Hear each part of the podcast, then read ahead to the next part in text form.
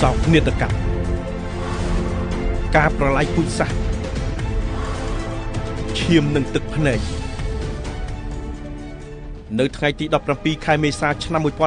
1975របបប្រឡាយពូជសាសន៍មួយបានកើតឡើងក្នុងទូទាំងប្រទេសប្រជាជនកម្ពុជាត្រូវទទួលរងនឹងការកាប់សម្លាប់ត្រូវជំនះចេញពីទីក្រុងនិងទីប្រជុំជន កម្មសិទ្ធិត្រូវបានដកហូតគ្មានសាលារៀនគ្មានទីផ្សារគ្មានការចាយវាយប្រាក់កាស ប្រជាជនត្រូវបង្ខំឲ្យធ្វើការរួមហូបរួមតាមសហគមន៍នានាចំណែកការធ្វើទរណកម្មនិងការកាប់សម្លាប់កាន់តែធ្ងន់ធ្ងរពីមួយថ្ងៃទៅមួយថ្ងៃឡើងរយៈពេល40ឆ្នាំមុនជាយុគសម័យដ៏ងងឹតបំផុតក្នុងប្រវត្តិសាស្ត្រនៃប្រទេសយើងខ្ញុំនោះគឺគ្រោះប្រឡាយពូជសាសន៍ពពតវាសម្រាប់អត់មានរើសរើសទាំងជាតិអីទេនៅពពតបាក់ខ្លាំងបងខ្ញុំខ្ញុំហូបបាយអត់មានបាយហូបទេ ពេលនោះបាយអ៊ំភុកភុកភុកអញ្ចឹងហើយអាមេជើងហ្នឹងវាដកកញ្ចក់យកទៅកាប់មួលជាយកទៅកាប់មួលនេះចាប់មូទឹកត្រាក់តែឲ្យដាច់យ៉ាពួកយើងចាប់ឃើញគេវាយធ្វើទរណកម្មម្ដាយម្ដាយបានត្រូវគេធាក់ច្រើនជើងជាកដាលមុខនិងខ្នងម្ដាយខ្ញុំបានចិញ្ចឈាមតាមច្រមុះតាមមាត់វាយដល់ពេលបាយយកទៅវាយនៅរូបបុណ្យណារូបបាយ វាយធ្វើបាបដល់4 5ថ្ងៃបានយកទៅសម្រាប់ចោលក្នុងរយៈពេល74ឆ្នាំនៃការកាន់អំណាចលើទឹកដីអង្គរនោះពួកឃាតករប៉ុលពត បានសម្លាប់ប្រជាជនកម្ពុជាអស់ជាង3លាននាក់ដោយវិធានការបង្ខំឲ្យធ្វើពលកម្មធ្ងន់ធ្ងរហួសពីកម្លាំងនិងបង្អត់អាហារពួកប៉ុលពតដង្ហើយហៅឲ្យបោះសម្អាតកាកសំណល់នៃសង្គមចាស់កសាងសង្គមថ្មីមួយដែលស្អាតស្អំបរិសុទ្ធពួកប៉ុលពត មិនគ្រាន់តែកាត់សម្លាប់ប្រជាជនស្លូតត្រង់ប៉ុណ្ណោះទេថែមទាំងបានកំចាត់ទាំងសមមិត្តនិងយុទ្ធមិត្តរបស់ខ្លួនទៀតផងប្រទេសកម្ពុជាទាំងមូលបានក្លាយជាគុកឥតជញ្ជាំង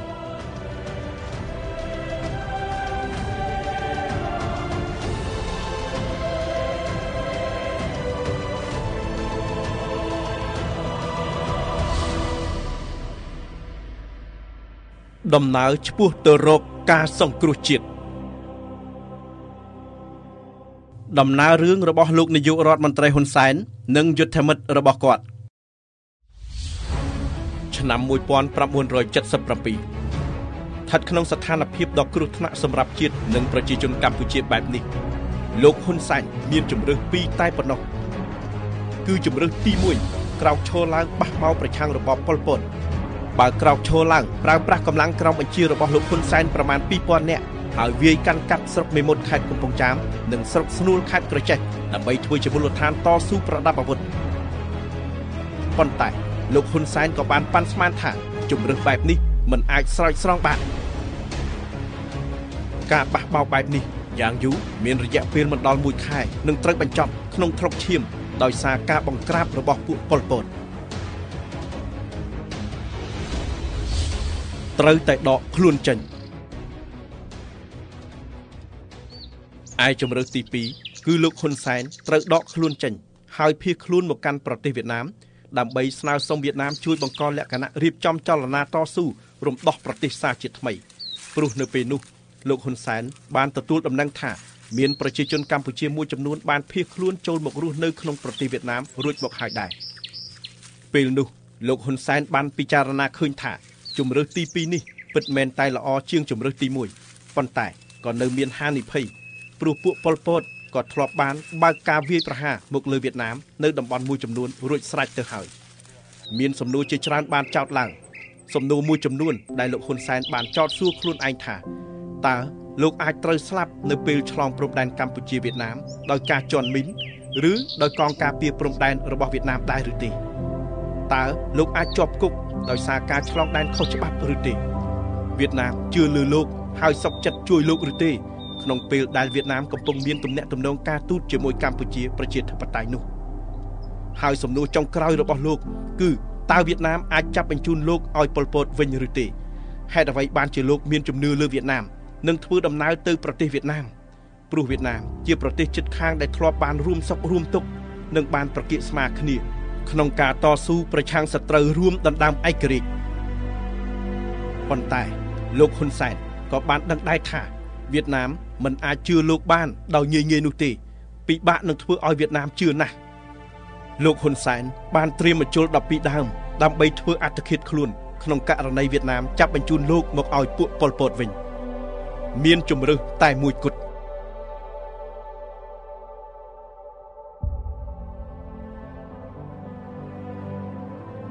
នៅវេលាម៉ោង21ថ្ងៃទី20ខែមិថុនាឆ្នាំ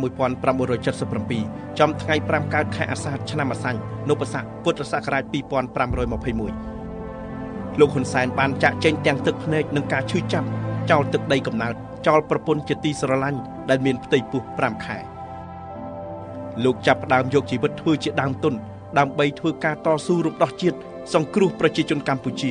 ដែលក្នុងនោះក៏មានទាំងគ្រួសារនិងប្រពន្ធជាទីស្រឡាញ់របស់លោក។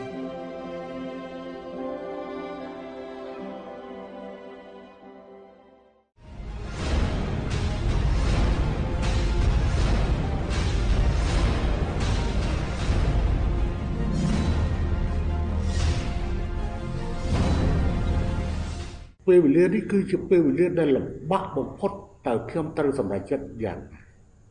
ទៅត្រូវវៀតណាមបញ្ជូនត្រឡប់មកវិញហើយ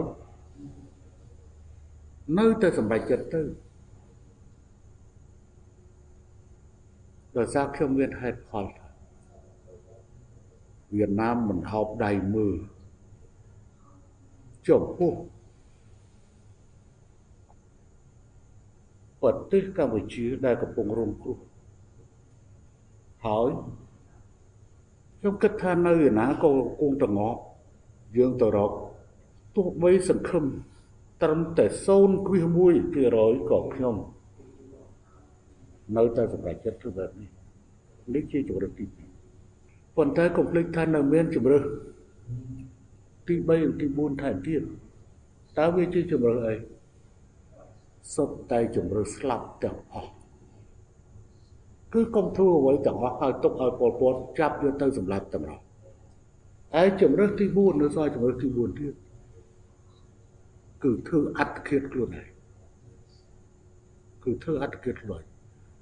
តាមគ្រប់មធ្យោបាយទាំងអស់ហើយប៉ុន្តែជំរឿនេះខ្ញុំទុកប្រើនៅឯវៀតណាមទៅវិញទេតាមរយៈ មកជុលដល់ពីដើមនៅក្នុងហៅប៉ៅដែលត្រៀមបុកជុលបំពង់កក្នុងករណីដែលវៀតណាមចាប់ទៅត្រឡប់ហេតុអ្វីបានជាលោកហ៊ុនសែនជ្រើសរើសយកមនុស្សតែ4នាក់ឲ្យរួមដំណើរជាមួយប្រសិនបើនាំកងទ័ពយ៉ាងច្រើនទៅវៀតណាមនោះប្រកាសជាបង្កើតការមន្ទិលសង្ស័យហើយត្រូវកងទ័ពការពារព្រំដែនវៀតណាមបាញ់ជាពំខានឡើយមាននៅក្នុងដៃមួយកងវិរៈសេនាធំ ប៉ុន្តែលោកហ៊ុនសែនជ្រើសរើសយកមនុស្សតែ4នាក់ប៉ុណ្ណោះដើម្បីបញ្ជៀសនៅស្ថានភាពដែលថាមិនទាន់ទាំងហាមាត់និយាយផងក៏ត្រូវក្របកំភ្លើងទៅហើយពេលនោះខ្ញុំរៀបចំផែនការ2ផែនការ2ខ្ញុំបានហៅពូថតយកគួននិងសនសាច់គេទៅប្រជុំក្នុងអំឡុងក្រោយម៉ោង8ខ្ញុំបានប្រាប់ពួកគេថាខ្ញុំសម្រេចចិត្តដកខ្លួនចេញ ហើយរៀបចំការតស៊ូឡើងវិញដោយធ្វើដំណើរឈ្មោះទៅកាន់ប្រទេសគាត់បង្ហើបមាត់ថាយើងត្រូវគេចាប់ហើយអឺគណៈវិជាការងើកោខោគេចាប់យកទៅទុកចាំនៅវត្តកដុលដល់អញ្ចឹងគាត់និយាយទៀតថាបើយើងមិនទៅវៀតណាមទេយើងនឹងស្លាប់ បើបញ្ជាការហៅទៅហើយយើងត្រូវទៅទៅបើទោះបីគាត់បញ្ជា ពេលនោះឲ្យវាយតបតកម្លាំងពលពតក៏វាយជាដែរហើយទៅនឹងគឺមានគឺមានផ្លូវពីរតាំងចិត្តក្នុងខ្លួនស្រេចហើយតាទី1គឺរស់រស់មានការតស៊ូទី2បើ ខាងវៀតណាមមិនអនុគ្រោះទេបញ្ជូនខ្លួនឲ្យពលពតវិញគឺមានតែផ្លូវស្លាប់ទេពេលនោះបើស្លាប់ពួកយើងខ្ញុំហើយជាជនខ្មែរទាំងអស់ក៏ស្លាប់ដែរបើគ្មានសម្ដេចទេក៏ស្លាប់ដែរមានអពុទ្ធហេតុដល់គូឲ្យនឹកមកដល់ពេលនេះខ្ញុំសម្រាប់លងលក់នៅពេលដែលខ្ញុំដឹងខ្លួនឡើងសំលេងស្រែកពីដើមជ្រៃមួយដ៏ធំឮពេញតិចខ្ញុំ ថាឲ្យខ្ញុំចាក់ចេញភ្លាមបន្តទៅភ្លើងគាត់ជុំវិញខ្ញុំដូចកំជ្រួចខ្ញុំបានស្រែកផ្លត់សម្លេងហើយចាំមេរសាតំណនៅជុំវិញផ្ទះឲ្យចូលថាតើអ្នកណាស្រែកលឺបេះរឿងនេះជាអបិយជំនឿមួយចំណុចអាងដាច់អិច16 នៅវេលាម៉ោង21 ថ្ងៃទី20ខែមិថុនាឆ្នាំ1977លោកហ៊ុនសែននិងកម្មាភិបាល4រូបបានចាក់ចែងពីបន្ទាយរបស់កងវិរៈសេនាធំថ្មើរជើងនៃតំបន់21យុទ្ធភូមិភាគបូព៌ាធ្វើដំណើរមកកាន់ព្រំដែនវៀតណាមធ្វើដំណើរក្នុងព្រៃពោះទៅទិសខាងកើតដោយគ្មានត្រីវិស័យឡើយយើងខ្ញុំទាំង4នាក់អឺស្វាយ រៀបចំចេញតាមបទបញ្ជាគាត់ហើយរៀបចំបាឡូសក្កដោហើយក្នុងទៅហ្នឹងគឺខោអាវឯកស្ថានជាជាជាកងទ័ពសម្ដេចកំភ្លើងខ្លីហើយពីរអ្នកទៀតគឺអាការមួយដើមអៀ15មួយដើមក្របបែកពីរក្របបន្ទាប់ទៅមានការពិភាក្សាថាតើយើងទៅតាមផ្លូវណានេះជាចំណុចសំខាន់មួយទៀត នៃការសម្រេចចិត្តត្រូវនឹងមានការផន់ច្រឡំធូរដែលវៀតណាមអាចនឹងវាយបាមកលើយើងតែខ្ញុំបានសំណោះសម្ដីពួកគេថាបើទោះជាពួកខ្ញុំស្លាប់ក៏សូមបញ្ជូនបងឯងឲ្យឆ្លងទៅឆ្លងដែនទៅប្រទេសវៀតណាមបាទ នេះជាសម្ដី តែពួកគេជឿទុកចិត្តហើយមិនមែនជាសម្ដីក្រំតែឲ្យរួចខ្លួនទេក៏ប៉ុន្តែគេជឿទុកចិត្តថាលទ្ធភាពដែលខ្ញុំដឹកនាំចលនានេះអាចទៅរួចភ្លៀងហើយល្ងឹតភ្នែកចន្ទូលហើយយើងលុកព្រៃកាត់ព្រៃខ្ញុំសូមបញ្ជាក់ចំណុចទី1ណា ដែលខ្ញុំចេញគឺចេញជ្រុងខាងកើតប្រហែលជា4វិនាទីឬឆ្កែព្រុសនៅនៅប្រទាយសម្ដេចថាពួកវាមកមកតាមពួកអីបាត់យើងយូរ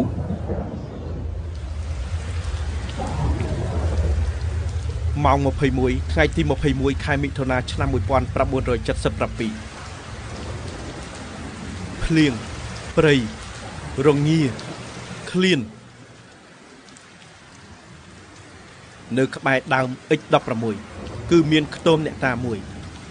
លោកហ៊ុនសែននិងកម្មាភិបាល4រូបបានឈប់សម្រាកនៅត្រង់ខ្ទមអ្នកតានោះដោយគ្មានធូបថ្មីទេ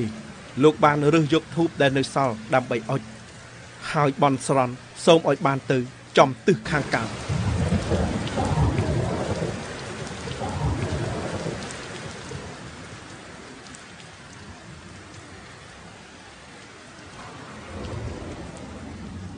យើងទៅដល់ត្រង់គេហៅថាតពាំងរកា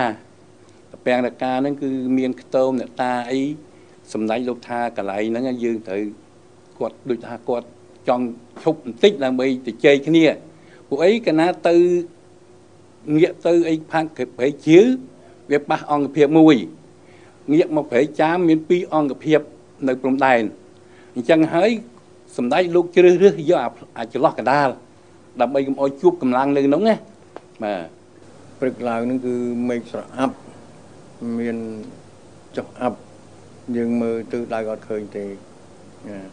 យើងរងចាំដល់រៀងស្វាងស្រអាប់បន្តិចទើបយើងបន្តដំណើរឆ្ពោះទៅទិសខាងកើតទៀតពេលពេលនោះគឺថាយើងមានសង្ឃឹមខ្លះតែក៏មានការភ័យខ្លាចខ្លះ ពេលនឹងលោកអ្នកខួននឹងសនសែងកំពុងតែដោះនឹងទៅមុខខ្ញុំបានវិលត្រឡប់ឈរបែរមកមុខត្រឡប់មកខាងទឹកដីកម្ពុជាខ្ញុំស្រស់ទឹកភ្នែកប៉ុន្តែខ្ញុំមិនឲ្យមិត្តរបស់ខ្ញុំបាក់ទឹកចិត្តដោយសារទឹកព្រៃរបស់ខ្ញុំទេ គេមិនបានមើលឃើញថាខ្ញុំយំទេខ្ញុំនៅចាំថាពេលនោះការរន្ធត់ក្នុងចិត្តរបស់ខ្ញុំធ្វើឲ្យខ្ញុំនិយាយក្នុងចិត្តអាយុ13ឆ្នាំបែកពីស្រុកកំណើតដោយសារតែអត់សាលារៀនកុមារម្នាក់អាយុ13ឆ្នាំបែកពីឪពុកម្ដាយវារឿងអីកើតឡើង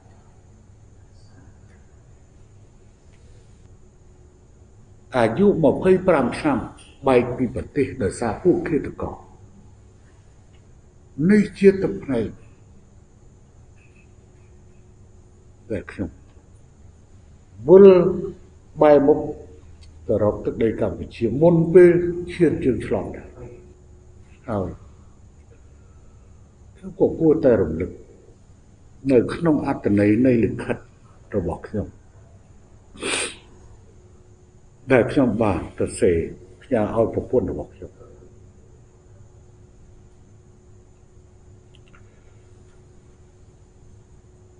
ចំណុចដែលគួរចងចាំបំផុត គឺនៅត្រង់ថា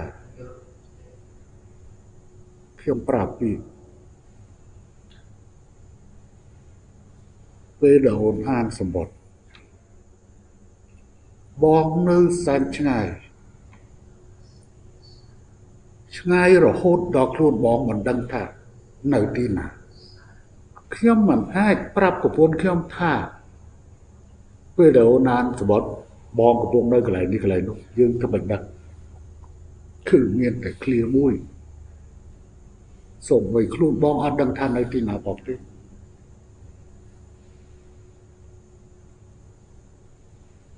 ឃ្លាចុងក្រោយបង្កប់ទៅដោយមេ មានសង្ឃឹមផលនិងអស់សង្ឃឹមផលបងលាហើយលាដើម្បីជួបវិញដោយគ្មានពេលកំណត់ពេលនោះសម្ដេចក៏បានផ្ដាំផ្ញើនឹងខ្ញុំជានាសាផ្ទាល់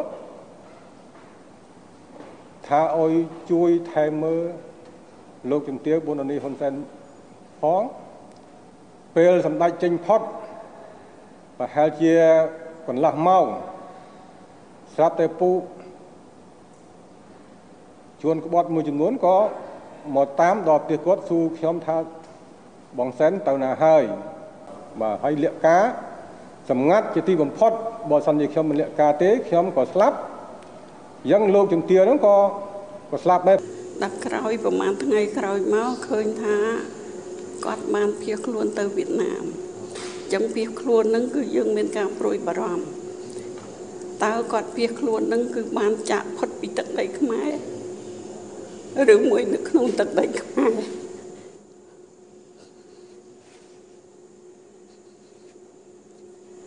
បើសិនជាគាត់ចេញផុតពីទឹកដីខ្មែរបានន័យថាគាត់រស់រៀនមានជីវិតឡើងវិញបើសិនជាគាត់រត់ភៀសខ្លួនមិនរួចទេគឺ បនបល័យពុយសាសគឺវានឹងសម្ហាប់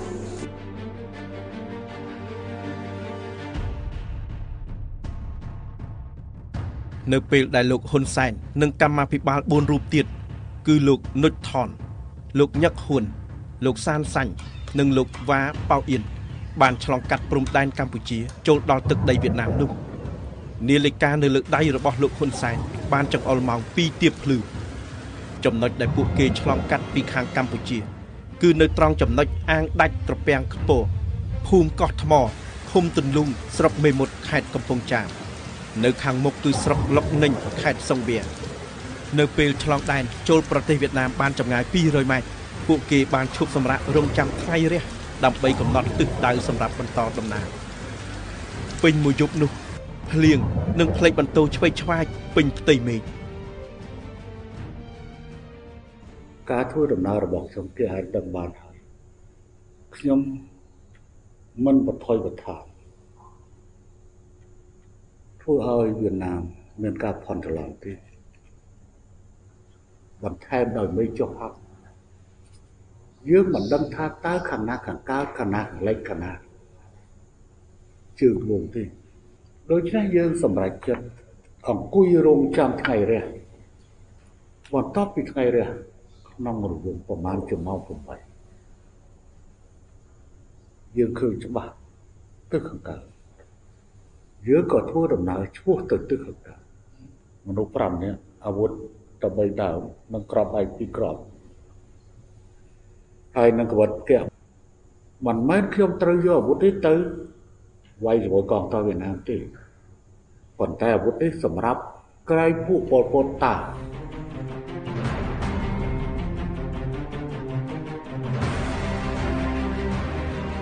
តួនាទីដំបងបង្អស់របស់លោកហ៊ុនសែនក្នុងកងកម្លាំងប្រដាប់អាវុធនៃចលនារំដោះជាតិ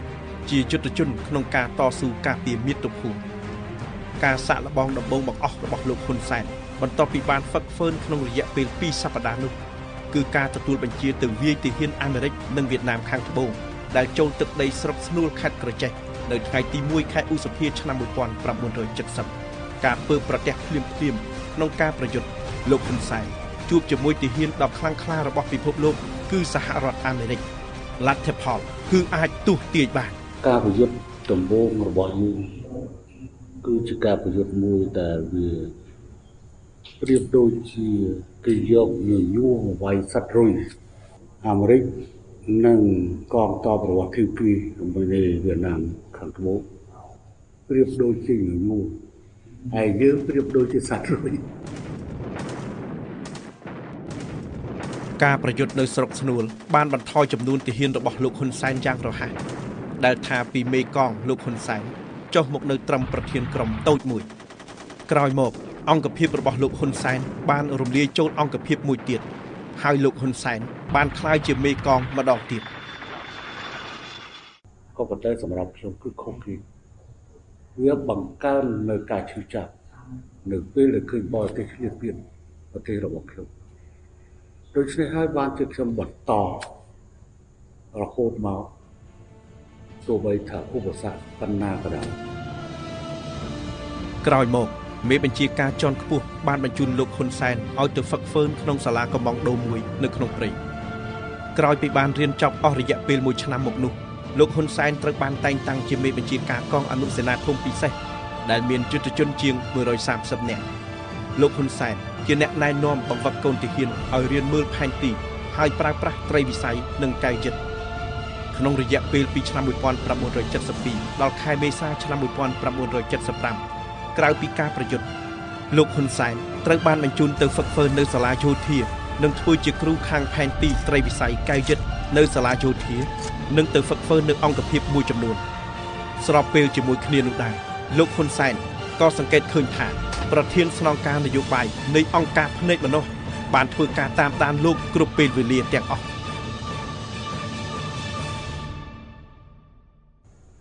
នៅលើពិភពលោកនេះគ្មានមេដឹកនាំណាមួយ ដែលមានការឈឺចាប់និងជូរចត់ដោយខ្ញុំទេរឿងដែលកំសត់ជាងនេះ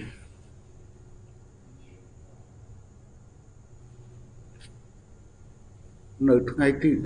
10ខែវិច្ឆិកាឆ្នាំ1976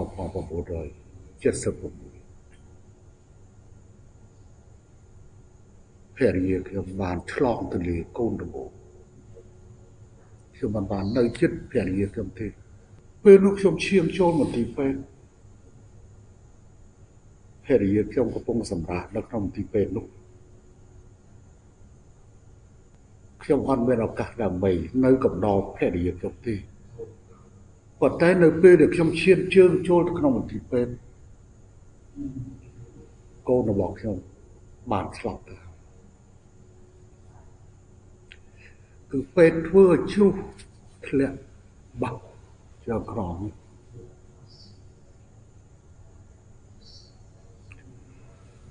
រឿងនេះ ជារឿងឈឺចាប់ធំណាស់ខ្ញុំខិតខំសងគ្រោះកូនមួយនេះដោយសារពេលនោះនៅចឹងឈាមតាមមាត់ហូរឈាមតាមមាត់ហើយធ្លាក់នៅនឹងដីគេលើកដាក់មកលើក្រេវិញភរិយាខ្ញុំទៅទឹកមួយគឺតែយើងមានរដ្ឋភាព គាត់នៅកក់ឈាមដល់កក់ឈាមនោះមិនដឹងដែរដល់ដឹងទៅអ្នកស្រុកអ្នកភូមិឃើញគាត់ឃីវពេកដល់ឃើញឃីវពេកទៅគេថាមានកក់ឈាមនៅអាដេញទួងសុកវានៅប្រវែងនេះអ្នកណែយីមកកន្លែងនឹងកាយកាយទម្លាក់ទៅបានជាអូយខ្ញុំស្រឡាញ់ក៏ខ្លោចចិត្តអាណិតគាត់កូនយើងស្លាប់យើងគ្មានសិទ្ធិដើម្បីនឹងយកកូនយើងទៅ កប់ទេ យើងគ្មានសិទ្ធិខែតបកូនយើងទេសុំមើលនេះគឺជាដានជើងដែលខ្ញុំរក្សាដែលវានៅជាប់នឹងជើង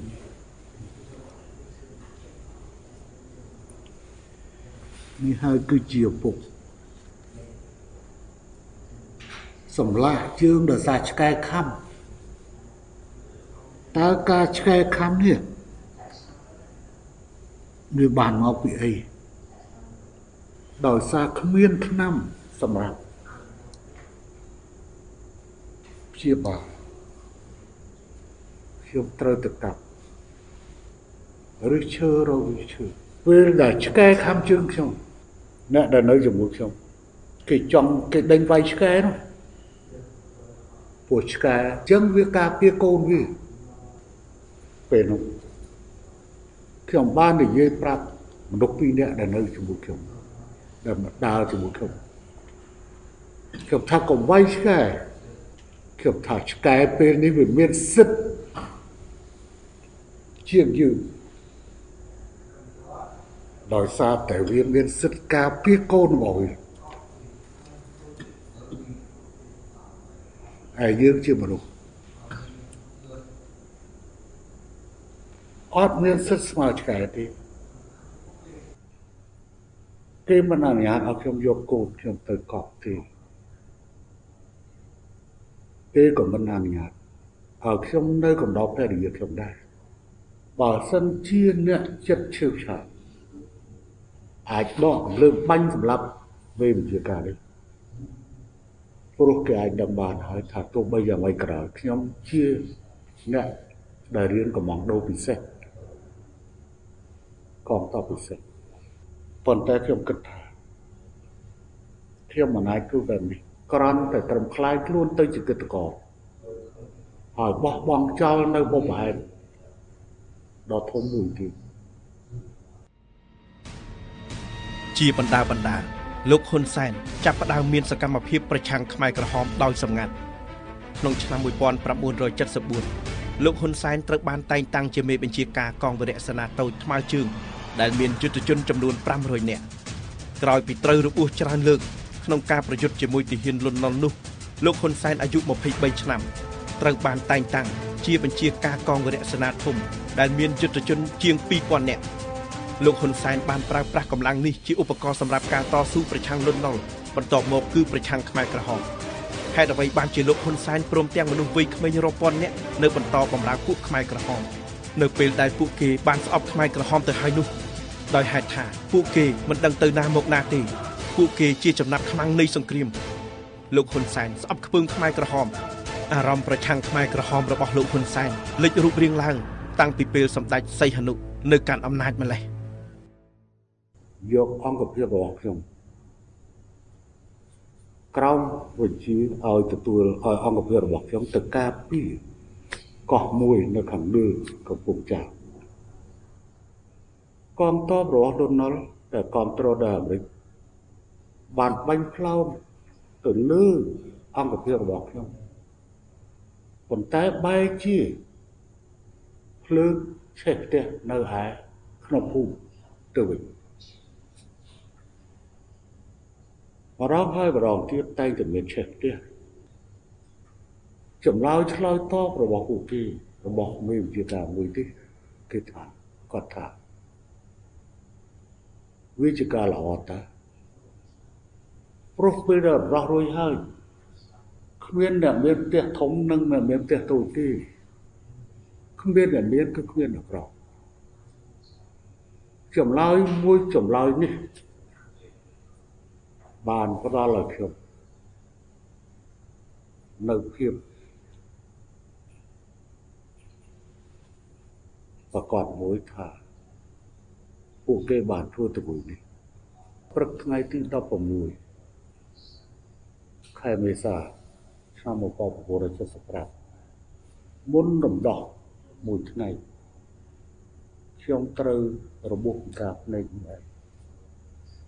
ហើយដល់ធ្វើឲ្យខ្ញុំសន្លប់រហូតដល់ថ្ងៃ21ថ្ងៃ22ទើបខ្ញុំបានដឹកខ្លួនបន្ទាប់ពីការព្យាបាលនេះខ្ញុំពិតជាមានការអស់សង្ឃឹមខ្លាំងណាស់ខ្ញុំគិតថាអំពើក្បត់នេះត្រូវតែប្រឆាំងលោកហ៊ុនសែនក៏បានចូលរួមក្នុងចលនាម៉ាក់គីដោយសារតែមូលហេតុពីរយ៉ាងគឺទី1តើ លោកអាចទ្រាំរបៀបម៉េចនៅពេលដែលអាមេរិកបញ្ជូនទ័ពចូលទឹកដីកម្ពុជានិងទម្លាក់គ្រាប់បែកមកលើទឹកដីកម្ពុជានេះជាការឈ្លានពានរបស់ប្រទេសក្រៅមួយចូលក្នុងប្រទេសមានសន្តិភាពមួយមូលហេតុទី2គឺសេចក្តីអំពាវនាវដែលមិនអាចទប់បានរបស់មេដឹកនាំប្រកបដោយនិស្ស័យគឺសម្ដេចសីហនុយុវវ័យក្នុងចំនួនដ៏ច្រើនបានសម្រុកទៅចូលរួមចលនាម៉ាក់គីដើម្បីធានាឲ្យបានថាសម្ដេចសីហនុយាងមកកាន់អំណាចវិញ លោកហ៊ុនសែនបានប្រគល់វាសនាទៅឲ្យខ្មែរក្រហមដោយមិនដឹងខ្លួនពេលវេលានេះគឺជាពេលវេលាដែលលំបាកបំផុតលោកដឹងទេថានៅក្នុងអំឡុងខែ3មុនចូលឆ្នាំខ្មែរព្រោះធម្មខ្មែរជាធម្មតាចូលនៅឆ្នាំនៅខែមេសាគេបានបកគលការងារឲ្យខ្ញុំ ធ្វើជាមេវិជាការសមរភូមិសម្រាប់ការវាយចូលទៅប្រទេសវៀតណាមតាំងពីព្រំដែននៃខេត្តបច្ចេកតែខ្ញុំមិនធ្វើខ្ញុំឲ្យហេតុផលនេះឲ្យហេតុផលនោះតែខ្ញុំអត់បានធ្វើទេវាយប្រជាជនខ្លួនឯងមិនអស់ចិត្តទៅវាយប្រទេសជិតខាងខ្ញុំមិនធ្វើ នាថ្ងៃទី21ខែមិថុនាឆ្នាំ1977ព្រលឹមស្រាងស្រាងលោកហ៊ុនសែននិងអ្នករួមដំណើរបានសម្លឹងមើលទៅទិសដែលព្រះអាទិត្យនឹងរះនោះគឺទិសខាងកើតគឺជាទិសតែមួយគត់ដើម្បីធ្វើដំណើរទៅដល់ប្រទេសវៀតណាមនៅវេលាម៉ោង11ថ្ងៃត្រង់ក្រោយពីធ្វើដំណើរកាត់ព្រៃចូលទឹកដីវៀតណាមបានប្រមាណ76គីឡូម៉ែត្រនោះលោកហ៊ុនសែនបានសម្រេចលាក់អាវុធនៅមុនពេលឡើងផ្លូវថ្នល់បន្តដំណើរទៅរកជួបកងទ័ពនិងប្រជាជនវៀតណាម ហេតុអ្វីបានជាលោកសម្រេចធ្វើដំណើរដោយមិនយកអាវុធតាមខ្លួននេះគឺជាការគិតគូរដ៏ឆ្លៀសវៃព្រោះឲ្យតែឃើញមានមនុស្សកាន់អាវុធឆ្លងដែនគឺកងទ័ពការពារព្រំដែនវៀតណាមនិងផ្ទុះអាវុធភ្លាមជីវិតរបស់លោកនិងអ្នករួមដំណើរមិនអាចធានាបានឡើយ។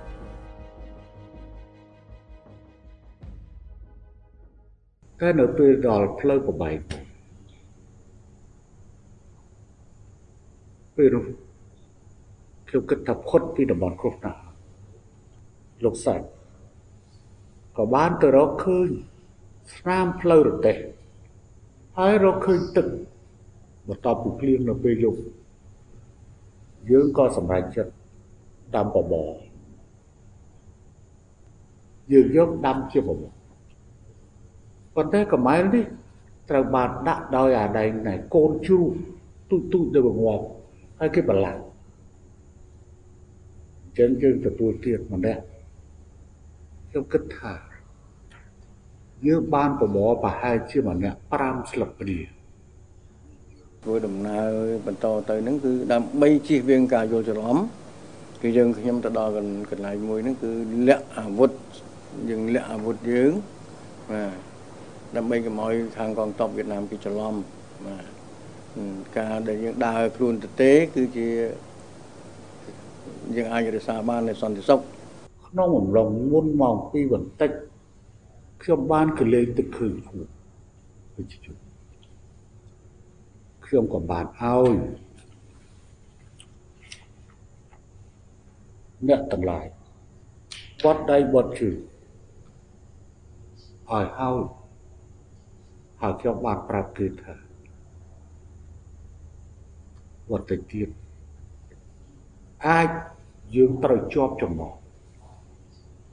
ដូចនេះបត់ដៃបត់ជើងឲ្យទៅហើយក៏ប្រាប់ពួកគេបន្ថែមថាបើសិនជាត្រូវចាប់ចោលក៏សូមបកគលខ្លួនឲ្យចាប់ចោលចោលនាឡិកាដៃរបស់ខ្ញុំខ្ញុំបានមើលខ្ញុំថាបន្តិចទៀតនាឡិកានេះត្រូវបាត់ហើយឧបពលពតឃើញនាឡិកាល្អមកបាត់ទេនៅវេលាម៉ោង14 ថ្ងៃទី21ខែមិថុនាឆ្នាំ1977ពួកគេបានចូលដល់ភូមិហលឺជនជាតិវៀតណាមដំបូងបង្អស់ដែលលោកហ៊ុនសែនបានជួបលើផ្លូវក្រាវគ្រោះក្រហម ជាផ្លូវតែមួយគត់សម្រាប់ចូលទៅភូមិហលឺនោះគឺលោកទឺហុងដែលជាប្រជាជន និងជាកងឆ្លូបនៅមូលដ្ឋាន ថ្ងៃ đó là កាលនោះខ្ញុំទៅធ្វើចំការ ហើយបានឃើញបុរស5នាក់ ក្នុងសម្លៀកបំពាក់សុទ្ធតែខ្មៅគ្រាដំបូងឃើញពួកគាត់ខ្ញុំមានអារម្មណ៍ភ័យបន្តិច ដល់ពេលនឹងចិត្តហើយទើបខ្ញុំកំណត់បាន ពួកគាត់ជាកម្ពុជាឃើញរូបរាងពួកគាត់ហាក់ដូចជាមនុស្សល្អដោយគ្មានរឹកកក្លឿនឬនិយាយលឺលឺឡើយពេលមកចិត្តគ្នា ពួកគាត់បានសួរខ្ញុំថាតើមានកងទ័ពវៀតណាមនៅទីនេះទេខ្ញុំក៏បានឆ្លើយប្រាប់ថាតំបន់នេះជាតំបន់កងទ័ព មានកងទ័ពច្រើនណាស់អស់លោកទុកចិត្តចុះចាំខ្ញុំរកអ្នកនាំអស់លោកទៅជួបកងទ័ពទៅជួបលោកធំយើងបានត្រៀមខ្លួនសម្រាប់ការចងរបស់វៀតណាមប៉ុន្តែវៀតណាមអត់បានធ្វើអ្វីចំពោះខ្ញុំដូចខ្ញុំបាននិយាយមកថាខ្ញុំពួកក្រុមខ្ញុំនេះគឺជាមនុស្សដែលមានសំណាង ព្រោះយើងទៅបានជួបជាមួយនឹងអ្នកដែលមានចិត្តធម៌មានចិត្តបុណ្យពេលដែលខ្ញុំធ្វើដំណើរដោយគ្មានឆ្លងដែនខុសច្បាប់នៅពេលវេលាមួយដែលពលពតបានវាយតាមព្រំដែនមួយចំនួនទៅហើយវៀតណាមពិបាកបែងចែកណាស់រវាងអ្នកណាជាកងតបស៊ើបការ វាយឆ្មក់និងអ្នកណាជាអ្នកទៅស្វែងរកការតស៊ូលោកទឺហុងនិងកងឆ្លូប2នាក់ទៀតបាននាំពួកគេធ្វើដំណើរចូលភូមិហွာលឺប្រជាជនភូមិហွာលឺបានដាំបាយឲ្យពួកគេហូបដែលនេះគឺជាលើកទី1ហើយក្នុងរយៈពេលជាង1ឆ្នាំដែលលោកហ៊ុនសែននិងអ្នករួមដំណើរបានទទួលទានបាយព្រោះនៅកម្ពុជា របបហូបចុកប្រចាំថ្ងៃរបស់ពួកគេ គឺបបរ ការទទួលទានបាយជាលើកដំបូងក្តីរំភើបក្តុកក្តួលរួចនៅកន្លែងហ្នឹងតាខ្ញុំចាំអឺរួចចឹងទៅអឺវៀតណាមគេដាំបាយឆ្នាំងលេខ10គេឲ្យពួកខ្ញុំហូបមានមហូបធម្មតារបស់វៀតណាមអញ្ចឹងណានេះជារឿងគួរឲ្យខ្លោចចិត្ត ខ្លួនឯងផងតែក៏ជារឿងគួរឲ្យអស់សម័យដែរនៅត្រង់ថាគ្នាតែ5នាក់ស៊ីអស់បាយមួយឆ្នាំលេខ10ដោយសារតែយើងមិនដែលបានស៊ីបាយប្រហែលទីជាមួយឆ្នាំរួចទៅហើយដែលយើងស៊ីតែបបរដូចជាស៊ីស៊ីណែនពោះវាគួរតែខ្ញុំត្រូវគេចងនៅពេលនោះ ប៉ុន្តែកុំថាឡើយដល់ចងសូម្បីតែខ្លួនប្រានខ្ញុំមានអ្វីក៏មិនបានឆែកផងគួរណាស់ពេលនោះវាណាមអាចមកស្ទាបចកេះយើងតែយើងនៅលាក់កំភ្លើងនៅលាក់ក្របែកហើយបើកមើលបាឡូយើងទេអត់អត់ទៅបារម្ភនេះជាកាយវិការដែលជាការកត់សម្គាល់ធំបំផុត បន្ទាប់មកលោកហ៊ុនសែននិងអ្នករួមដំណើរត្រូវបានប្រជាជននឹងកងឆ្លប់ភូមិហောលឺបញ្ជូនទៅភូមិ9នៅទីនោះលោកហ៊ុនសែនបានជួបលោកទឺហောអនុប្រធានកងអនុសេនាធំតបតំបន់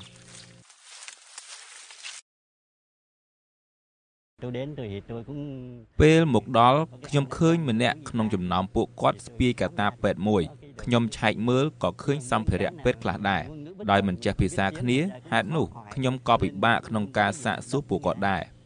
ខ្ញុំក៏គ្មានអំពើធ្វើបាបលើពួកគាត់ឡើយពីព្រោះពួកគាត់បានចេញមុខទៅរកយើងគឺល្អហើយពួកគាត់មិនមែនជាអ្នកទោសទេចាំបាច់ធ្វើបាបគេធ្វើអីយើងបានធ្វើដំណើរចេញពីផលលីទៅកាត់ភូមិឡាជីកាត់ភូមិឡាដោយសារពេលនោះ ខ្ញុំវាស៊ីបាយទឹកពោះផងអត់នឿយផងហាក់ដូចជាមេខ្ញុំក្រុមក្តៅលោកវេកងឆ្លប់បាទជួយស្ពីបលោកខ្ញុំហើយខ្ញុំដើរដើរដៃទៅទេប៉ុន្តែខ្ញុំអោបដោយសារវាល្ងាដោយសារខ្ញុំគាត់ចាស់អ្នកទៅជាមួយខ្ញុំគឺមានចិត្តធម៌ ដោយឃើញថាខ្ញុំគុណមិនស្រួលខ្លួនគឺជួយស្ពីបលោក lúc bây giờ là khoảng ប្រហែលម៉ោង2ម៉ោង3រសៀលខណៈខ្ញុំប្រចាំការស្រាប់តែឃើញប្រជាជននិងកងកម្លាំងនាំបរិះ5នាក់មកប្រគល់ឲ្យពួកខ្ញុំធ្វើការពួកគាត់ជាបងប្អូនកម្ពុជាចូលមកប្រទេសយើងពួកគាត់អ្នកណាអ្នកណាក៏មានរាងស្គមស្លេកស្លាំងណាស់មើលទៅពួកគាត់ឃ្លានអាហារក្នុងច្រើនថ្ងៃហើយ មានម្នាក់ឬពីរនាក់មានគ្រុនចាញ់ទៀតផងពូលគឺមានអាការៈមិនប្រក្រតីទេបបោមាត់ឡើងជួមក្រមៅរូបរាងស្គាំងស្គមពួកគាត់ហាក់ដូចជាអស់កម្លាំងខ្សោយណាស់ហើយប៉ុន្តែគេសួរគាត់ថាអ្នកមកហ្នឹងមកធ្វើអីអឺសំណួរយើងឆ្លើយថាទី1គឺពឹងពាក់វៀតណាមនៅផ្នែកអនាគតអឺដើម្បីជួយសង្គ្រោះ កម្ពុជា លក្ខណៈពលពតកំពុងតែសម្លាប់ប្រជាជនកម្ពុជាកំពុងតែធ្វើបាបប្រជាជនកម្ពុជាអត់មានបាយហូបប្រើដូចគូកបីសាធាតនៅពេលរសៀលជនជាតិកម្ពុជាទាំង5នាក់ត្រូវបានបញ្ជូនទៅស្រុកលុក ninh តាមរថយន្ត JMC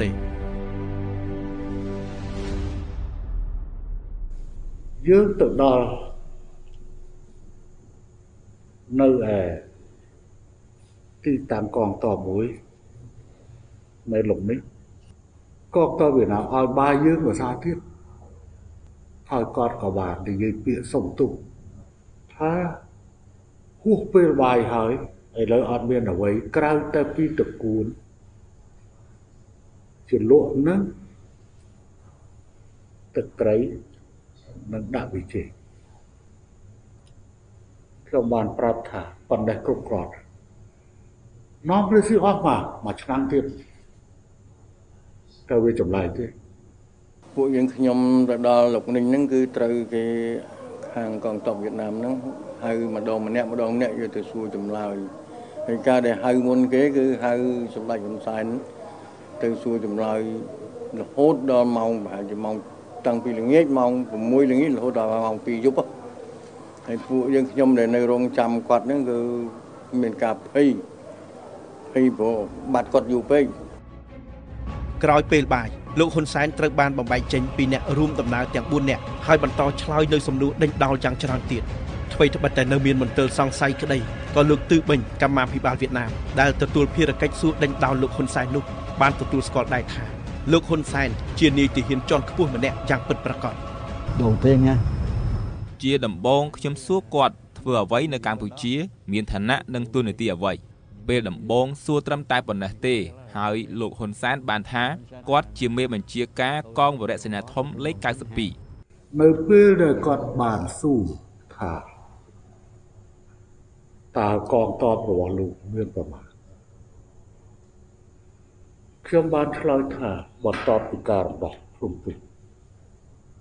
វរៈសេនាធំនេះគឺមានជាង2000នាក់ក៏ប៉ុន្តែថ្ងៃដែលខ្ញុំចាស់ចេញគឺមាន1000នៅសល់1776នាក់តែសារប្របែកទៅកាន់អង្គភាពផ្សេងនឹងមានការចាប់ខ្លួនមួយចំនួនពេលលោកមេជាការនេះបានស្រែកផ្សាយជាថ្មីប្រទៀត ណយឡាវអ្នកបកប្រែគាត់និយាយថាអ្នកនិយាយភូតអង្គរបៀបហ្នឹងមានតែជាង30នាក់ទេហេតុអីមានរាប់ពាន់ពេលហ្នឹងខ្ញុំក៏គិតថាអ្នកបកប្រែបកប្រែខុសអំពីក្បាលអង្គភាពហើយអញ្ចឹងខ្ញុំសង្កេតទៅគាត់ ខ្ញុំគិតថាគាត់ចេះភាសាបារាំងខ្លះដោយសារខ្ញុំចេះភាសាបារាំងខ្លះខ្ញុំក៏បានសារលបងសួរគាត់ Parlez-vous français តាណែចេះនិយាយភាសាបែបឆ្លើយខ្លីថាអន់ពើតិចតួចដូច្នេះប៉ុន្តែនៅមានអ្នកដែលនៅជុំវិញនោះក៏មានអ្នកចេះភាសាបារាំងពេលហ្នឹងខ្ញុំចាប់ផ្ដើម ពន្យល់ជាភាសាបារាំង section group section compagnie បាត់យងនិងរេស៊ីម៉ងបានខ្ញុំប្រាប់គាត់ថាខ្ញុំកាន់រេស៊ីម៉ងបានគាត់កែឲ្យអ្នកបកប្រើកែតម្រូវពីជុំដកទៅជុំដតសំណាងរួចខ្លួន Theo tôi thì ខ្ញុំគិតថាលោកហ៊ុនសែនពូកែហើយគាត់ចេះភាសាបារាំងស្មើនឹងថ្នាក់មធ្យមសិក្សានោះមិនតិចទេលោកហ៊ុនសែននិយាយជាមួយខ្ញុំដោយមានអាកប្បកិរិយាស្រួលបួលសមរម្យណាស់មិនច្រងែងច្រងាងដោយមនុស្សមួយចំនួននៅប្រទេសលោកខាងលិចនោះទេ nói tiếng Tây cũng nghiêm túc đàng hoàng ខ្ញុំបានវិលត្រឡប់មកដល់កន្លែងសម្រាប់ដែលនៅក្បែរផ្លូវកន្លែងទីតាំងហ្នឹងយើងទួលអឺ ខ្ញុំវាហៅសួរចម្លើយអាកន្លែងទួលនោះហើយចុះមកវិញមកដល់ខ្ញុំឃើញពីរនាក់ដេកលើដេកលើតុមិត្តភ័ក្តិរបស់ខ្ញុំពីរនាក់ដេកលើតុពីរនាក់ទៀតដេកនឹងក្រោមតុព្រោះអត់តន់មានក្រេវាក្រោយទេព្រោះយើងទៅដល់ដំបូងមានកន្លែង ពេលកំពុងយប់ប៉ុន្តែពេលដែលខ្ញុំមកដល់គឺពួកគេជប់យប់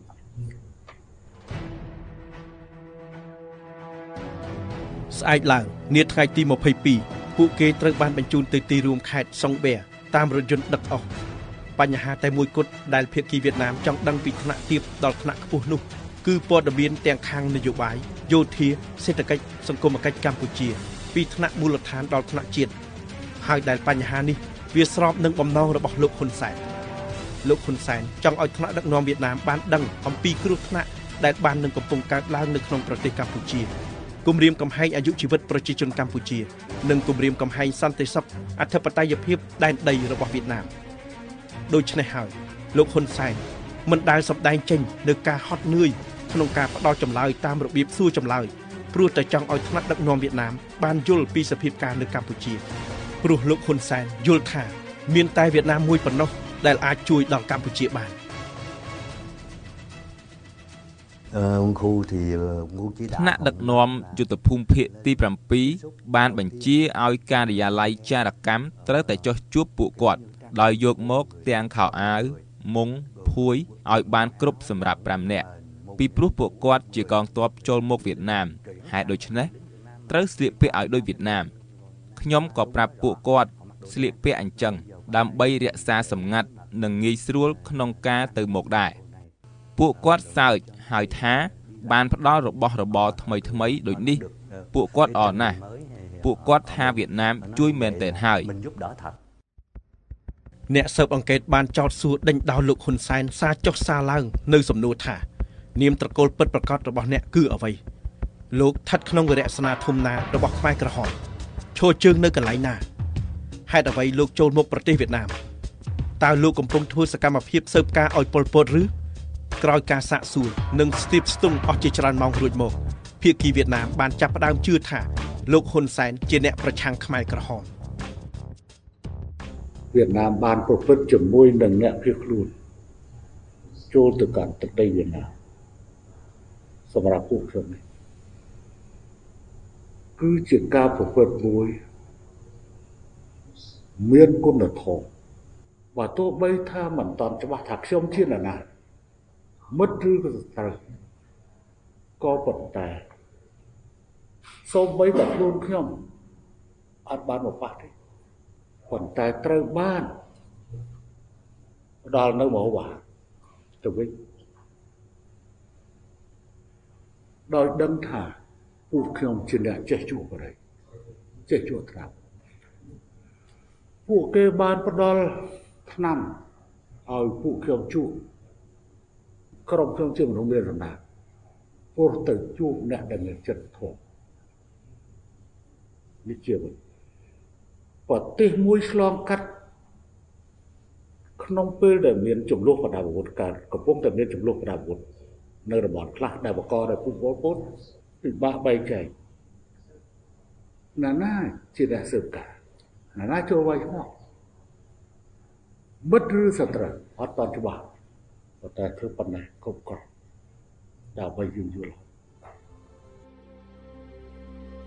ពិតមែនតែពួកគេឆ្លងដែនខុសច្បាប់ ហើយភាគីវៀតណាមក៏មិនទាន់ដឹងថាពួកគេមានបំណងល្អឬអាក្រក់ស្របពេលដែលប៉ុលពតបានចាត់ទុកវៀតណាមជាសត្រូវទី1 និងបើកការវាយលុកសម្រាប់ប្រជាជនវៀតណាម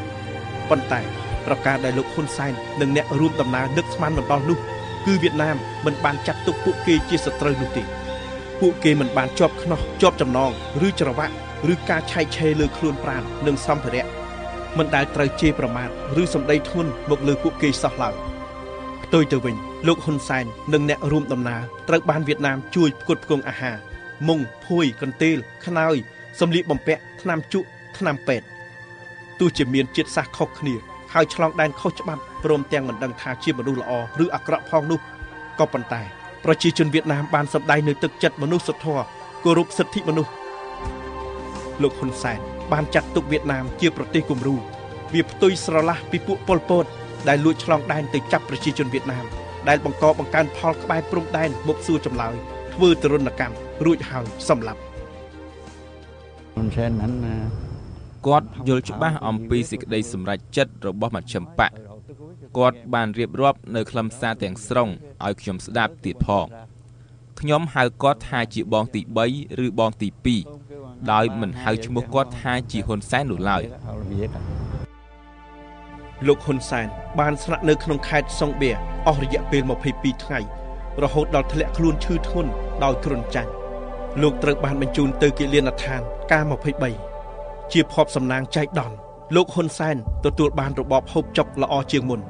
ទោះបីនៅពេលនោះវៀតណាមបានជួបការលំបាកច្រើនយ៉ាងណាក៏ដោយព័ត៌មានស្ដីពីការដែលលោកហ៊ុនសែនរត់ចោលជួរនោះបានលេចលឺដល់ប្រធានស្នងការនយោបាយរបស់អង្គការ ពេលនោះពួកគេដឹងថាលោកហ៊ុនសែនភៀសខ្លួនទៅប្រទេសវៀតណាមពួកគេបានធ្វើការសងសឹក ដោយវិធីបង្ខំលោកស្រីប៊ុនរ៉ានីឲ្យធ្វើពលកម្មធ្ងន់ហួសពីកម្លាំងពេលគាត់ភៀសខ្លួនទៅហ្នឹងគឺបានហ៊ុនម៉ាណែតគឺបាន5ខែក្នុងពោះបាន5ខែក្នុងពោះទេគឺគាត់បានភៀសខ្លួនទៅបាត់ហើយដល់ពេលកើតហើយហ្នឹងគឺយើងកូននៅតូចតូចកូននៅតូចប៉ុន្តែកើតហើយបានតែ12ថ្ងៃទេ គឺវាជំនះយើងឲ្យដើរ 2យប់3ថ្ងៃកាត់ក្នុងព្រៃដើម្បីភៀសខ្លួនទៅមកកន្លែងទៀតចឹងទេគឺយើងដើរទាំងយប់ទាំងថ្ងៃក្នុងរបបបល័យពុជសាសគឺក្នុងមួយថ្ងៃរស់មួយថ្ងៃហ្នឹងគឺយើងយើងបានជោគជ័យអាហ្នឹងពេលដែលសម្ដេចគាត់បានទៅតស៊ូនៅប្រទេសវៀតណាមផុតហើយអញ្ចឹងសភាពការក្នុងប្រទេសកម្ពុជាហ្នឹងគឺថាមានពូនិរដីមកម្ដងទៀតពូប៉ុលពតអញ្ចឹងណា បានឆ្លងមកខាងបូព៌ាថាបូព៌ានឹងក្បត់បាទថែមទាំងលើកទី2គឺថាតាំងពីកងតូចកងធំនិយាយពីចំនួនគឺថាក៏គេកាប់សំណាប់ស្ទួយទាំងអស់ទាំងប្រជាជនអីជំលះខ្លាចប្រជាជនបូព៌ាគឺថាទៅវៀតណាមយើងជំលះមកលេចទលេហ្នឹងថាកាប់សម្លាប់ជាបន្តជាបន្ទាប់បាទក្រោយរយៈពេល22ថ្ងៃដែលបានស្នាក់នៅក្នុងខេត្តសុងបៀនោះ លោកហ៊ុនសែនត្រូវបន្តស្នាក់នៅ3ខែទៀតនៅក្នុងខេត្តមួយនោះក្នុងរយៈពេលនោះសុខភាពលោកហ៊ុនសែនត្រូវចុះខ្សោយទ្រុឌទ្រោមដោយសារជំងឺគ្រុនចាញ់ហើយត្រូវសម្រាកនៅមន្ទីរពេទ្យជាប់ជាប្រចាំលោកជាកម្មាភិបាលវ័យក្មេងម្នាក់ដែលបានទទួលការអនុញ្ញាតឲ្យសម្រាប់ព្យាបាលនៅជាន់ទី4នៃមន្ទីរពេទ្យធុងញិតក្នុងទីក្រុងហូជីមិញដែលជាមន្ទីរពេទ្យមួយសម្រាប់តែកម្មាភិបាលថ្នាក់ឧត្តមសេនីយ៍ហើយលោកត្រូវបន្លំខ្លួនជាជនជាតិឡាវមិត្តភ័ក្តិវៀតណាមបានហៅលោកហ៊ុនសែន តាមនាមត្រកូលថ្មីដើម្បីជួយបញ្ជាការមន្ទិលសង្ស័យកម្មាភិបាលវៀតណាមបានដាក់ឈ្មោះថ្មីឲ្យលោកថាម៉ៃផុកក្នុងន័យថាសុភមង្គលជានិច្ចនិរន្តរ៍អាយុ26ឆ្នាំជាកម្មាភិបាលជាន់ខ្ពស់នៃយុទ្ធភូមិភាគអិចគ្មាននរណាម្នាក់ដឹងថាយុទ្ធភូមិភាគអិចនៅឯណានោះទេនៅក្នុងមន្ទីរពេទ្យក៏មានមនុស្សមួយចំនួនមានការងឿងឆ្ងល់ដែរព្រោះជាធម្មតានៅវៀតណាមមនុស្សដែលមានអាយុចាប់ពី60ឆ្នាំឡើងទៅទើបអាចចាត់ទុកថាជាកម្មាភិបាលជាន់ខ្ពស់ អ្នកផងទាំងពួងដែលស្នាក់នៅជាន់ទី4បានដឹងពីឋានន្តរស័ក្តិរបស់លោកហ៊ុនសែនប៉ុន្តែនៅពេលដែលបញ្ជូនគាត់ទៅបន្ទប់ថតអ៊ិចរ៉េនោះវិជ្ជបណ្ឌិតនៅទីនោះមានការងឿងឆ្ងល់ថាជាកម្មាភិបាលជាន់ខ្ពស់ហេតុអ្វីមានអាយុតែ26ឆ្នាំគាត់មកពីណា Và giai đoạn đầu thì chúng tôi cũng chỉ biết ពេលដំបូងនោះយើងខ្ញុំត្រឹមតែដឹងថាឈ្មោះគាត់គឺម៉ាយហ្វុកដោយមិនដឹងឈ្មោះពិតរបស់គាត់ថាជាហ៊ុនសែនឡើយ រហូតក្រោយមកទើបខ្ញុំដឹងថា លោកហ៊ុនសែនជាកម្ពុជា មានពេលខ្លះដល់វេនប្រចាំការនៅផ្នែក A1 ខ្ញុំឈរនៅមុខទ្វារបន្ទប់គាត់ឃើញគាត់សម្លឹងឆ្ពោះទៅទិសប្រទេសកម្ពុជា ដោយទឹកភ្នែកសស្រាក់ពិតជាអាណិតគាត់ណាស់យើងខ្ញុំក៏ស្រឡាញ់រាប់អានគាត់ណាស់ដែរ và chúng tôi cũng quý trọng anh ấy lắm. ការរងចាំនិងការខិតខំរបស់លោកហ៊ុនសែននិងសហការីមិនឥតប្រយោជន៍នោះទេព្រោះថាថ្នាក់ដឹកនាំជាន់ខ្ពស់វៀតណាមបានអាននៅរបាយការណ៍និងលិខិតរបស់លោកនៅថ្ងៃទី27ខែកញ្ញាឆ្នាំ1977លោកហ៊ុនសែនបានជួបផ្ទាល់ជាមួយឧត្តមសេនីយ៍ឯកវ៉ាន់ទៀងយ៉ុងសមាជិកការិយាល័យនយោបាយនៃគណៈកម្មាធិការមជ្ឈិមបកកុម្មុយនីសវៀតណាមនិងជានាយអគ្គសេនាធិការកងទ័ពប្រជាជនវៀតណាមជំនួបបានប្រព្រឹត្តទៅនៅទីក្រុងហូជីមិញ ក្នុងរយៈពេល2ម៉ោង40នាទីគឺពីម៉ោង8ដល់ម៉ោង10:40នាទីក្នុងជំនួបនោះគាត់បានប្រាប់លោកហ៊ុនសែនថាគាត់បានអានរបាយការណ៍និងយោបល់របស់លោកហ៊ុនសែននៅមុនពេលដែលខ្ញុំជួបម្ដងសេរីវត្តយុគប៉ុលពតបានឧទ្ទិសនាមអំពីខួបលើកទី17 នៃថ្ងៃបង្កើតបកគុំនេះកម្ពុជាគេយកឆ្នាំ1960គេឧទ្ទិសនាមពីប្រវត្តិបកពួកខ្ញុំមានរជុដោយសារមានរជុរបស់នៅថោយើងបើកស្រាប់ខ្ញុំបដិសេធហើយខ្ញុំបានឆ្លើយតបត្រឡប់ទៅវិញខ្ញុំថាបើខាងវៀតណាមមិនអាចជួយខ្ញុំបានទេខ្ញុំសូមអាវុធ របស់ខ្ញុំខ្ញុំវិលត្រឡប់ទៅកម្ពុជាស្លាប់ជាមួយប្រជាជនខ្ញុំជំនួបនេះមានសារៈសំខាន់ណាស់សម្រាប់ការឈានទៅមុខនៃបុព្វហេតុជាតិកម្ពុជាពិតមែនតែមិនទាន់ដោះស្រាយបញ្ហាជាក់លាក់ប៉ុន្តែឧត្តមសេនីយ៍ឯកវ៉ាន់ទៀងចុងបាននិយាយប្រាប់លោកហ៊ុនសែនថាសមមិត្តនៅក្មេងណាស់អនាគតនៅមានច្រើនសូមរក្សាការសម្ងាត់យកចិត្តទុកដាក់តាមដានសភាពការនិងរៀនសូត្រជឿជាក់លើអនាគត ជាការផ្ដាំផ្ញើនិងជូនពររបស់ឧត្តមសេនីយ៍ឯកវ៉ាន់ទៀងចុងផ្ដល់ក្តីសង្ឃឹមយ៉ាងខ្លាំងដល់លោកហ៊ុនសែនក្នុងដំណើរទៅមុខឯបញ្ហាស្ថិតនៅត្រង់ពេលវេលា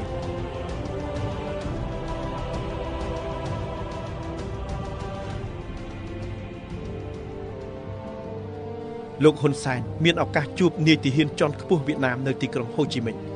កិច្ចសន្ទនាត្រូវបានប្រព្រឹត្តទៅដោយសមភាពគោរពគ្នាផងនិងត្រង់ទៅត្រង់មក ស្ដីពីបំណងស្វែងរកជំនួយដើម្បីប្រឆាំងប៉ុលពតក្នុងរយៈពេលនោះរដ្ឋាភិបាលវៀតណាមបានច្រានចោលសំណើសុំជំនួយយោធារបស់លោកហ៊ុនសែនព្រោះវៀតណាមមិនទាន់យល់ច្បាស់ពីការក្បត់របស់ប៉ុលពតនៅឡើយលោកហ៊ុនសែនចូលមកប្រទេសវៀតណាមមិនមែនដើម្បីស្វែងរកសិទ្ធិជ្រកកោនខាងនយោបាយនោះទេលោកហ៊ុនសែនចង់ឲ្យវៀតណាមជួយរំដោះប្រទេសជាតិរបស់លោកសំណើសុំជំនួយពីវៀតណាមត្រូវបានច្រានចោល ភាគីវៀតណាមបានបញ្ជាក់ថាប្រសិនបើឆ្លើយតបតាមសំណើរបស់លោកហ៊ុនសែននោះពួកគេត្រូវចោទប្រកាន់ពីបទធ្វើអន្តរាគមន៍ចូលកិច្ចការផ្ទៃក្នុងរបស់កម្ពុជាប្រជាធិបតេយ្យ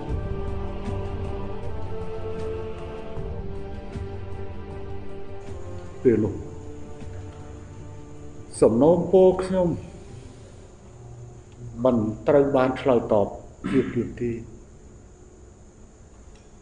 ភាសា គោរពអធិបតេយ្យភាពរបស់កម្ពុជាគោរពឯករាជ្យអធិបតេយ្យភាពរបស់កម្ពុជាត្រូវបានថ្នាក់ដឹកនាំវៀតណាមគ្រប់កម្រិតនិយាយភាសានេះដូចដូចគ្នាត្រង់នេះហើយដែលខ្ញុំបានមើលឃើញថាវៀតណាម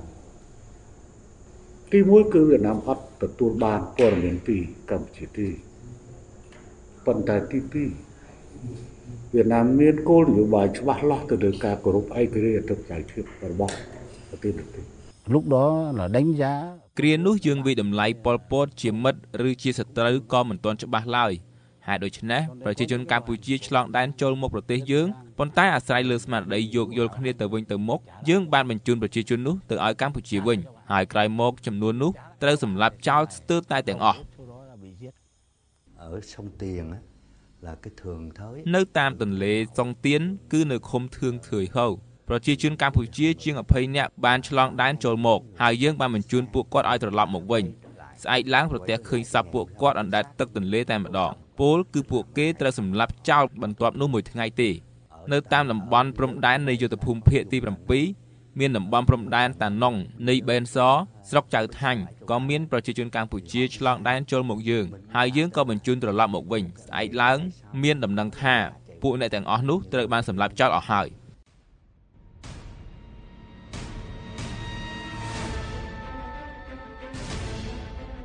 ទោះយ៉ាងណារបត់ជាប្រវត្តិសាស្ត្របានកើតមានឡើងចំពោះលោកហ៊ុនសែន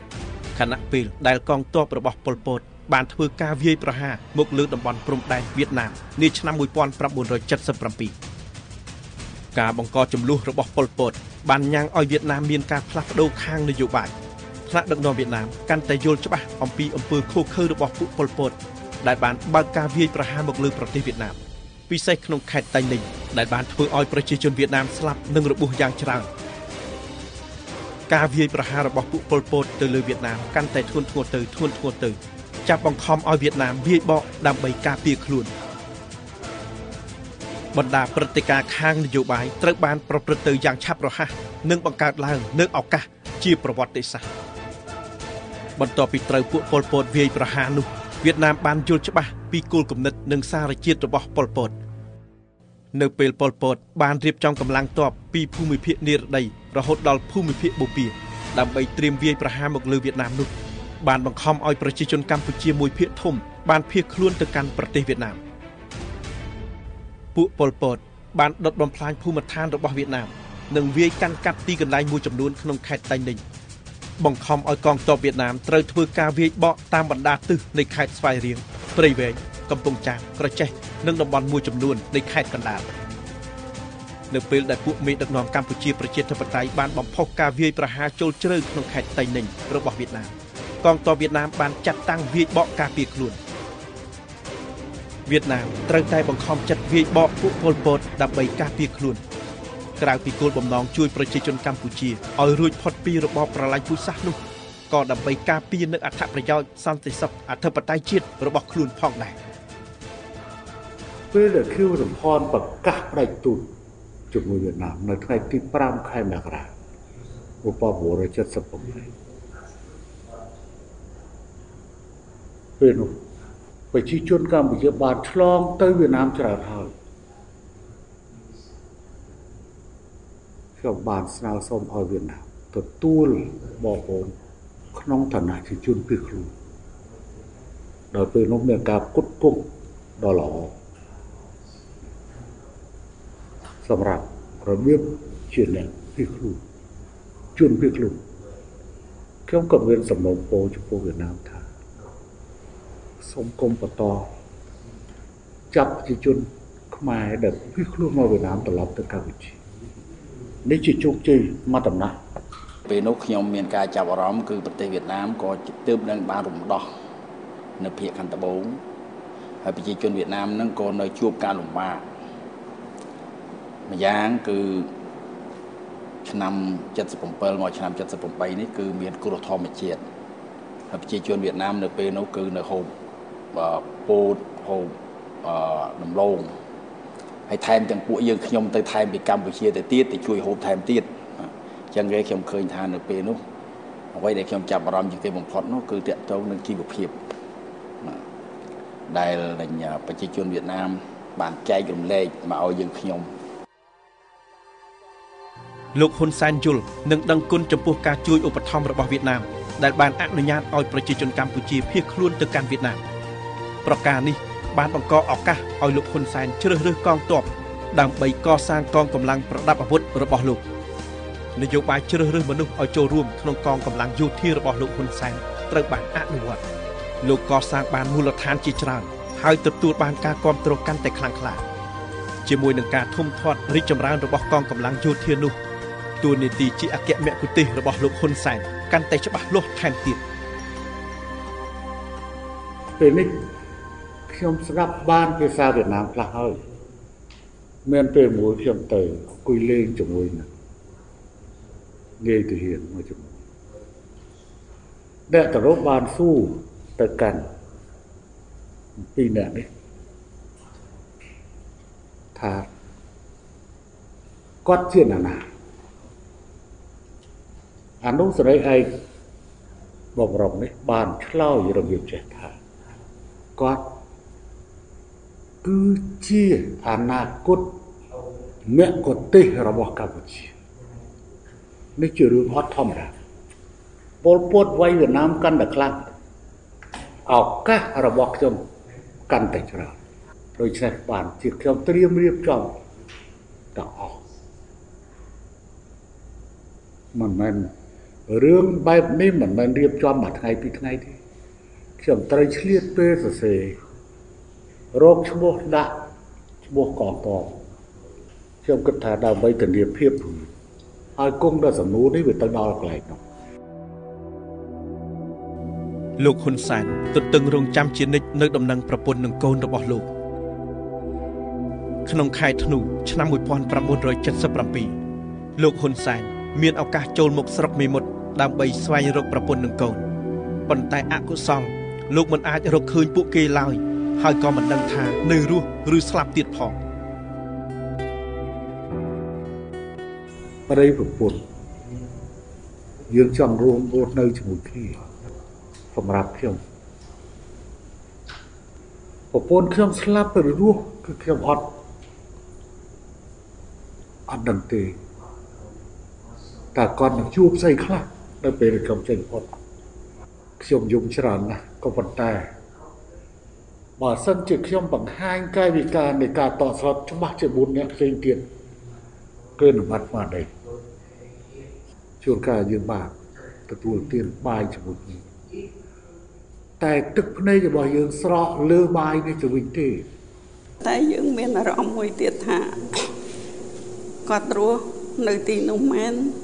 យើងមិនដឹងថារបៀបការវាវិបត្តិទៅយ៉ាងម៉េចអញ្ចឹងទេ ក៏នឹកឃើញថាតើថ្ងៃណាយើងបានជួបគ្នាវិញឬមួយក៏អត់នឹងគឺអារម្មណ៍របស់ខ្ញុំពេលហ្នឹងឃើញថាវាអត់តន់ប្រកាសពជាថាតើយើងអាចជួបគ្នាវិញឬមួយក៏យើងអត់បានជួប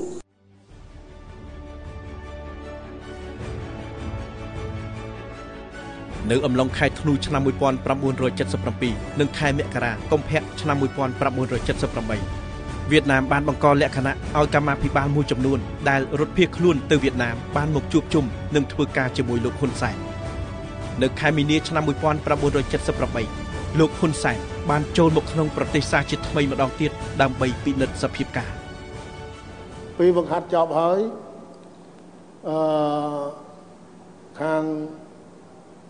សម្ដេចហ៊ុនសែននិងខាងវៀតណាមក៏យើងឯកភាពគ្នារៀបចាត់តាំងប្រហែលជាប្រហែលជា7ក្រុមដើម្បីចូលមកស្រុកខ្មែរគឺជាក្រុមហៅថាចារកិច្ចមិនធ្វើការណាមកឡាតួនាទីទី1គឺកសាងមូលដ្ឋានបដិវត្តនៅកម្ពុជា នេះជាតួនាទីសំខាន់ទី1 តួនាទីសំខាន់ទី2គឺក្តាប់ឲ្យបានសភាពការបើរកឃើញកម្លាំងណាផ្ដាច់ខ្លួនត្រូវតែខំប្រឹងប្រែងចងទំនាក់ទំនងឲ្យទាល់តែបានទី3គឺក្តាប់ឲ្យបានជាប់ស្ថានភាពរបស់ខ្មាំងនៅមូលដ្ឋានដែលខ្លួនទទួលបន្ទុកអំពីកងកម្លាំងប្រដាប់អាវុធរបស់ខ្មាំងក្តាប់ឲ្យជាប់នៅស្ថានភាពនៃប្រជាជន ដើម្បីរាយការណ៍បានទាន់ពេលហើយទូនាទីសំខាន់មួយទៀត គឺបន្តជួយសមមិត្តឲ្យរីកធំធាត់ đỡ các đồng chí bạn để trưởng thành ក្រុមប្រដាប់អាវុធនៃខាងវៀតណាមរៀបចំឲ្យហ្នឹងយើងចូលមកដីខ្មែរដីខ្មែរគឺខ្មែរក្រហមកំពុងតែកាន់កាប់ណាហើយអញ្ចឹងមកលើកទី1គឺអត់អីទេបានជ័យជំនះត្រឹមក្រោយមកបានបែងចែកមកក្រុមទៅទៀត3ក្រុមទៀតចូលទៀតចឹងហា3ក្រុមចូលទៀតហ្នឹងមានបែកការខ្លះ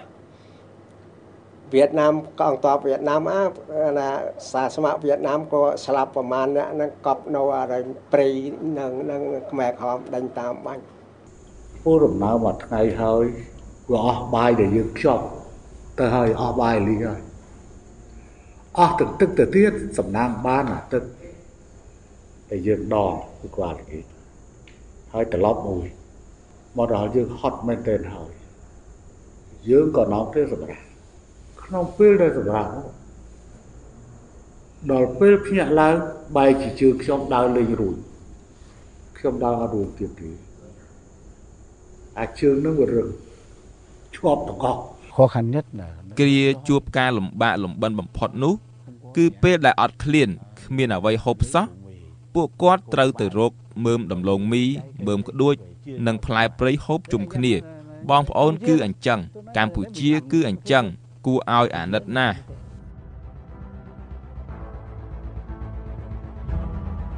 អ្វីដែលលោកហ៊ុនសែនរំភើបរហូតស្រក់ទឹកភ្នែកគឺនៅដើមខែមេសាឆ្នាំ1978លោកនិងលោកមាសហួន បានជួបជាមួយឧត្តមសេនីយ៍ឯកបំរុងចិនវ៉ាន់ចានៅបញ្ជាការដ្ឋានយុទ្ធភូមិភាគទី7ក្នុងជំនួបនោះឧត្តមសេនីយ៍ឯកបំរុងចិនវ៉ាន់ចាបានប្រាប់លោកហ៊ុនសែននិងលោកមាសហួនថា ថ្នាក់ដឹកនាំវៀតណាមសម្រេចនឹងជួយសមមិត្តកម្ពុជាកសាងកងកម្លាំងប្រដាប់អាវុធដើម្បីរំដោះជាតិនេះជាចម្លើយដែលលោកហ៊ុនសែនបានរងចាំក្នុងរយៈពេលច្រើនខែមកហើយឧត្តមសេនីយ៍ចិនវ៉ាន់ចាបានប្រាប់ថាបកនឹងរដ្ឋាភិបាលវៀតណាមសម្រេចជួយឲ្យបរមិត្ត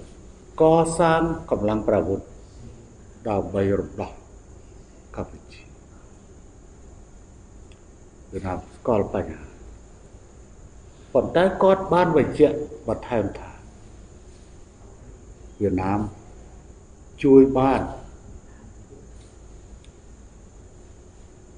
តែផុសភីអាវុធក្របរំសេវនិងការវឹកហាត់ការវឹកវើ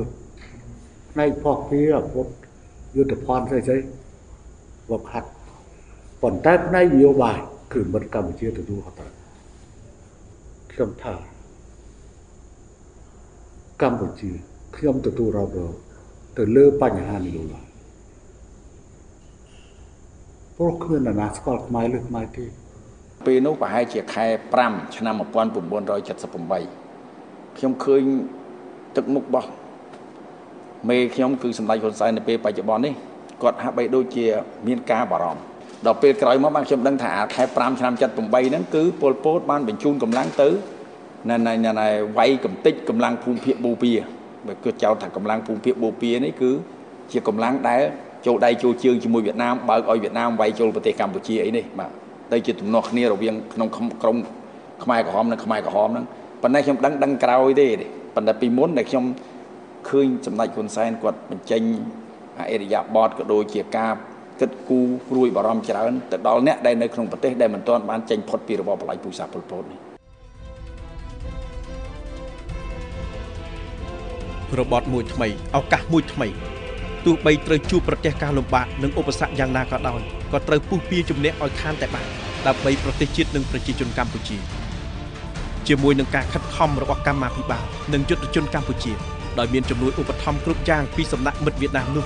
កងកម្លាំងប្រដាប់អាវុធដែលមានឈ្មោះថាកងកម្លាំងប្រដាប់អាវុធសាមគ្គីសង្គ្រោះជាតិកម្ពុជាបានចេញជាផ្លូវការនាថ្ងៃទី12ខែឧសភាឆ្នាំ1978និងបង្កើតគណៈបញ្ជាការមានឈ្មោះថា578នាខែឧសភាឆ្នាំ1978នៅធូដឹកបន្ទាប់មក បានបញ្ជូនពីធូដឹកទៅឡុងយ៉ាងដើម្បីរក្សាការសម្ងាត់បានជាយើងចេញពីធូដឹកទៅឡុងយ៉ាវ ឡុងយ៉ាវគឺជាកន្លែងប្រមូលផ្ដុំដែលប្រជាជនខ្មែរត្រូវបានយើងរំដោះកងទ័ពវៀតណាមទៅរំដោះក្នុងទឹកដីខ្មែរយកទៅដាក់នៅនោះទាំងអស់រាប់រាប់ម៉ឺនយើងនៅតែព្យាយាមនឹងការជឿរកជ្រើសរើសតបបន្តខ្ញុំមានឈ្មោះកងតបហើយស្រេចនៅក្នុងដៃ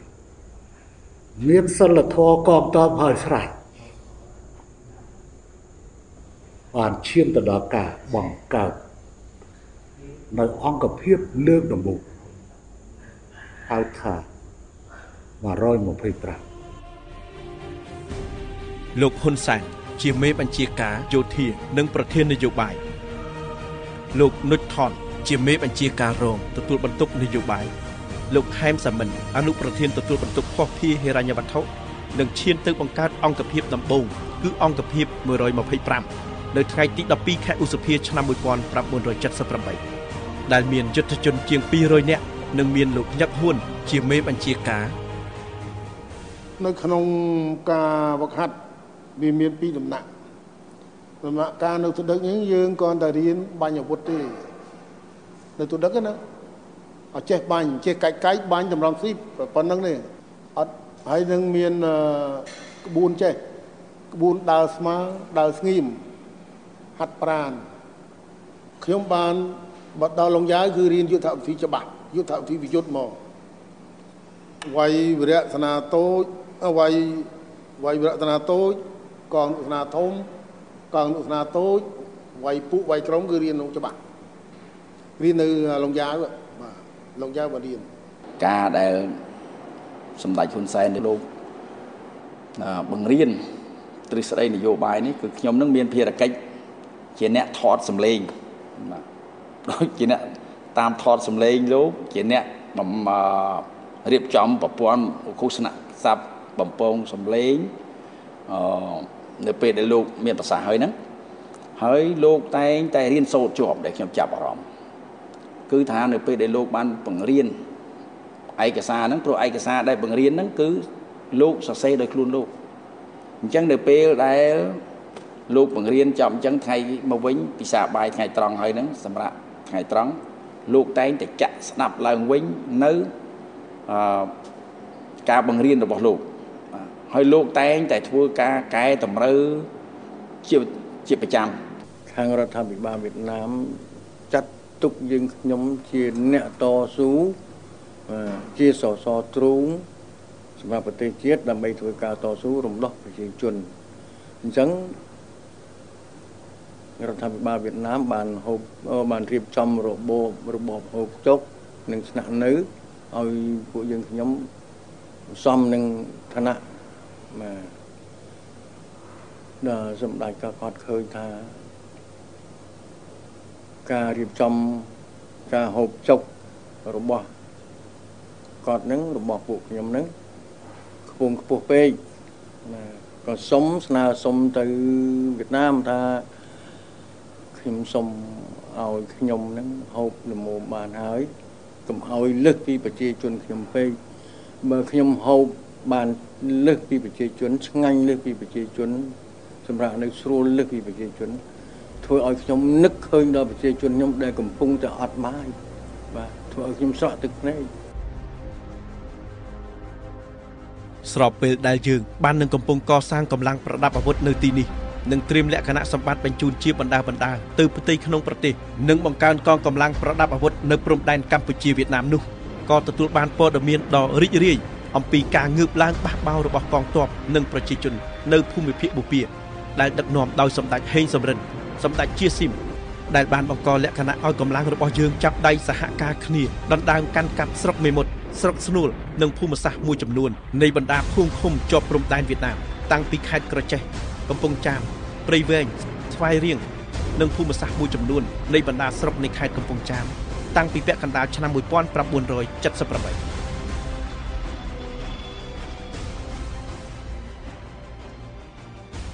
មិនមែនចៃដន្យទេតែ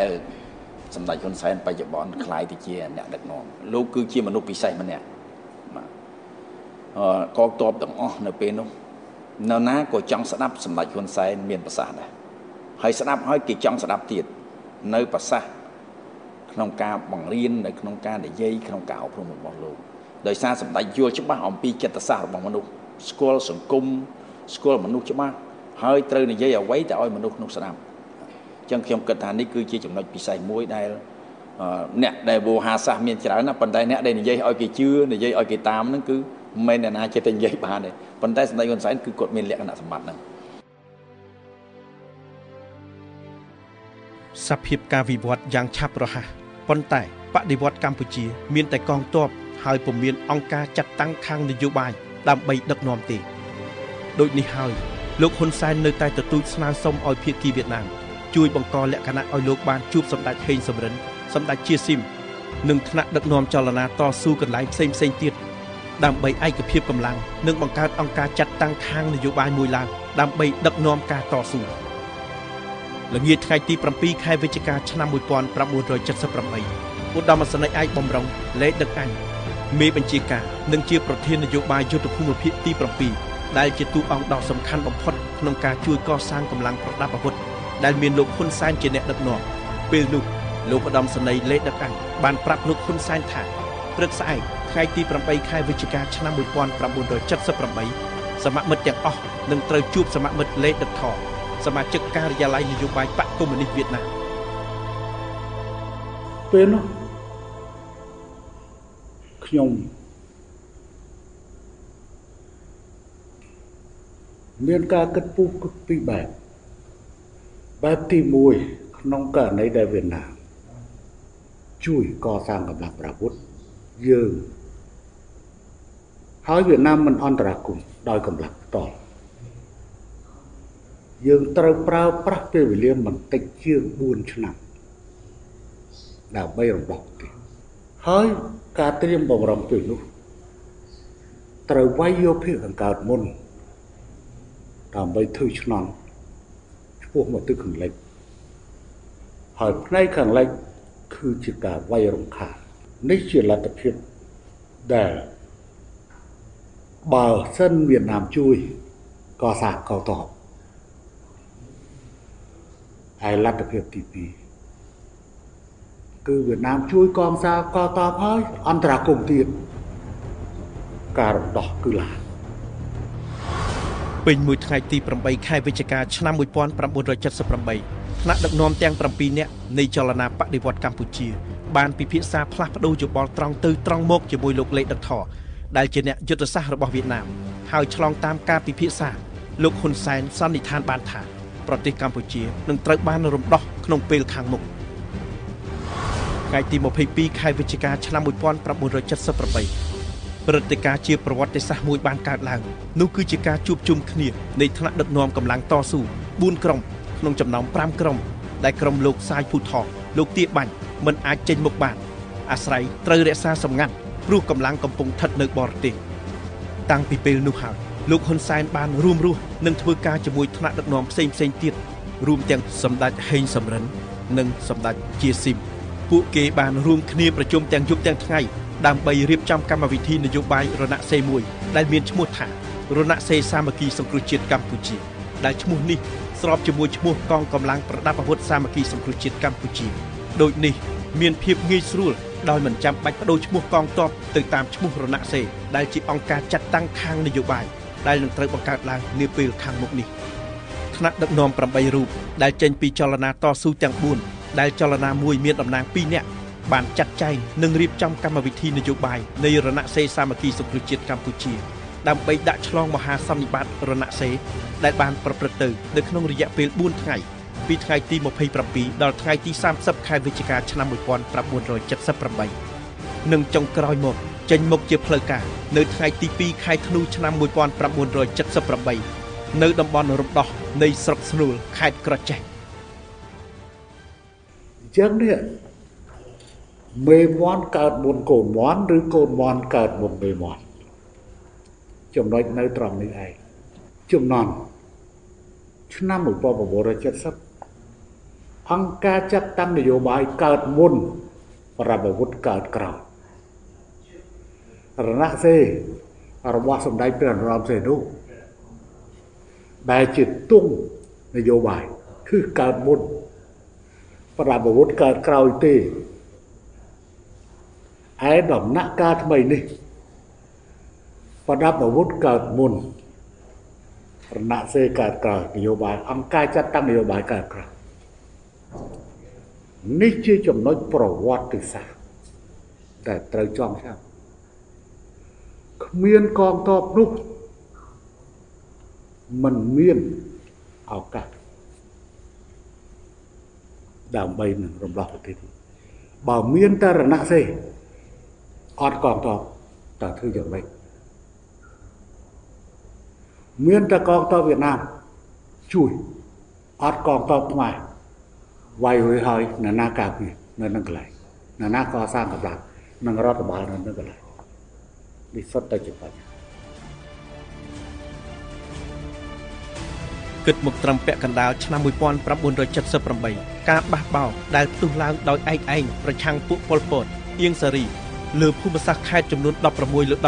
របស់កម្ពុជាលេចធ្លោបំផុតគឺនៅយុទ្ធភូមិភាគបូព៌ា203ការចាប់បដិសន្ធិឡើងនៃកងកម្លាំងប្រដាប់អាវុធសាមគ្គីសង្គ្រោះជាតិកម្ពុជា បានកត់សម្គាល់នូវជំហានអភិវឌ្ឍនៃកម្លាំងបដិវត្តកម្ពុជាក្នុងការតស៊ូដួលរំលំរបបប្រល័យពូជសាសន៍ប៉ុលពតអៀងសារីព្រមទាំងជាកត្តាវិជ្ជមានដើម្បីរួមចំណែកប្រឆាំងការគំរាមកំហែងនិងការឈ្លានពានរបស់ប៉ុលពតអៀងសារីចំពោះវៀតណាម ស្ដារឡើងវិញនៅចំណងសាមគ្គីមិត្តភាពរវាងប្រទេសទាំងពីរកម្ពុជានិងវៀតណាមក្រោមការដឹកនាំបញ្ជារបស់លោកហ៊ុនសែនកម្មាភិបាលនិងយុទ្ធជនកងកម្លាំងប្រដាប់អាវុធសាមគ្គីសង្គ្រោះជាតិកម្ពុជាត្រូវបានកសាងតាមសារជាតិនយោបាយរបស់កងកម្លាំងប្រដាប់អាវុធបដិវត្តយល់ច្បាស់ពីមិត្តនិងសត្រូវមានការបដិញ្ញាបដិវត្តខ្ពស់តស៊ូប្រយុទ្ធយ៉ាងអង់អាចក្លាហាន មានសាមគ្គីផ្ទៃក្នុង និងសាមគ្គីអន្តរជាតិល្អ លោកហ៊ុនសែនបានមើលឃើញច្បាស់អំពីលទ្ធភាពដួលរំលំរបបប្រល័យពូជសាសន៍ក្នុងអំឡុងពេល1ឆ្នាំលោកហ៊ុនសែនមានជំនឿយ៉ាងមុតមមថាកម្ពុជាអាចបានរំដោះនៅដើមឆ្នាំ1979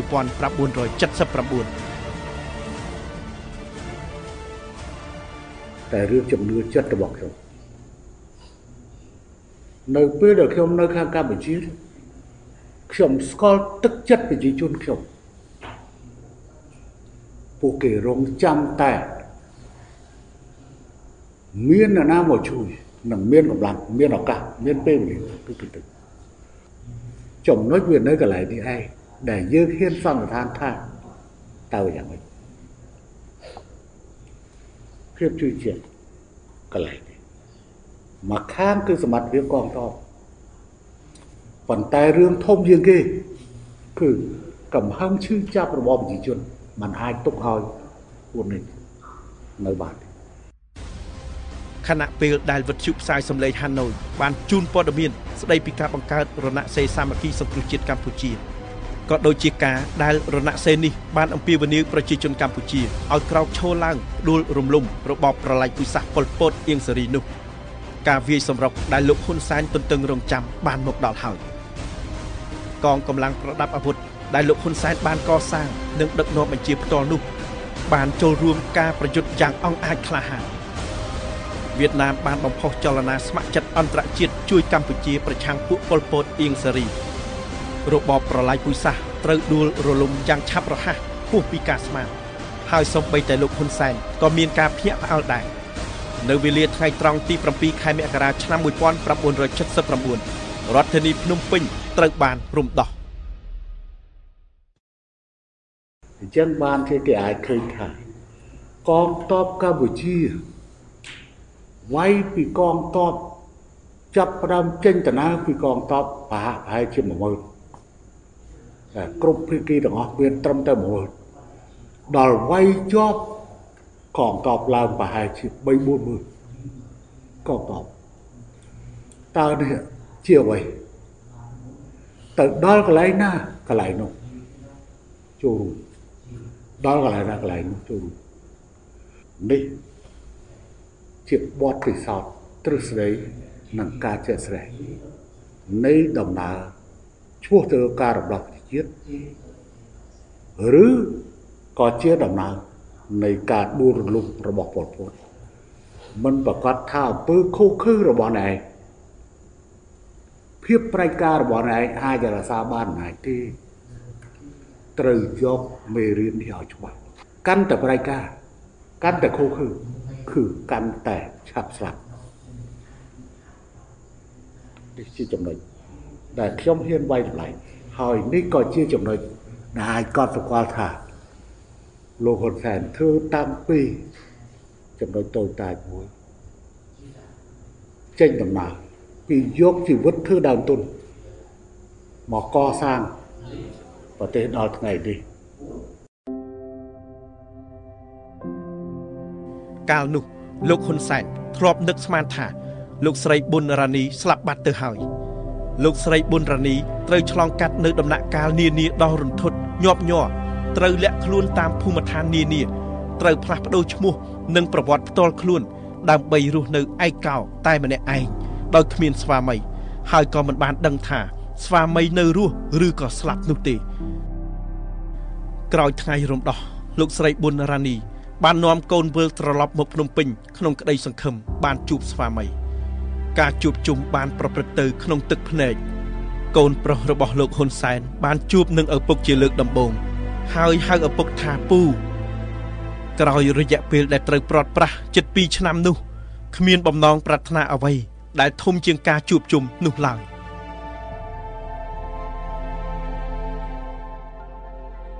សំខាន់បំផុតដែលជួបជុំហ្នឹងគឺមកថ្ងៃដំបូងខ្ញុំគិតថាគឺអោបកូនមកហ្នឹងអត់មានអ្វីក្រៅទៅពីហៅគាត់គឺរស់នៅជាប្រជាជនធម្មតាវិញ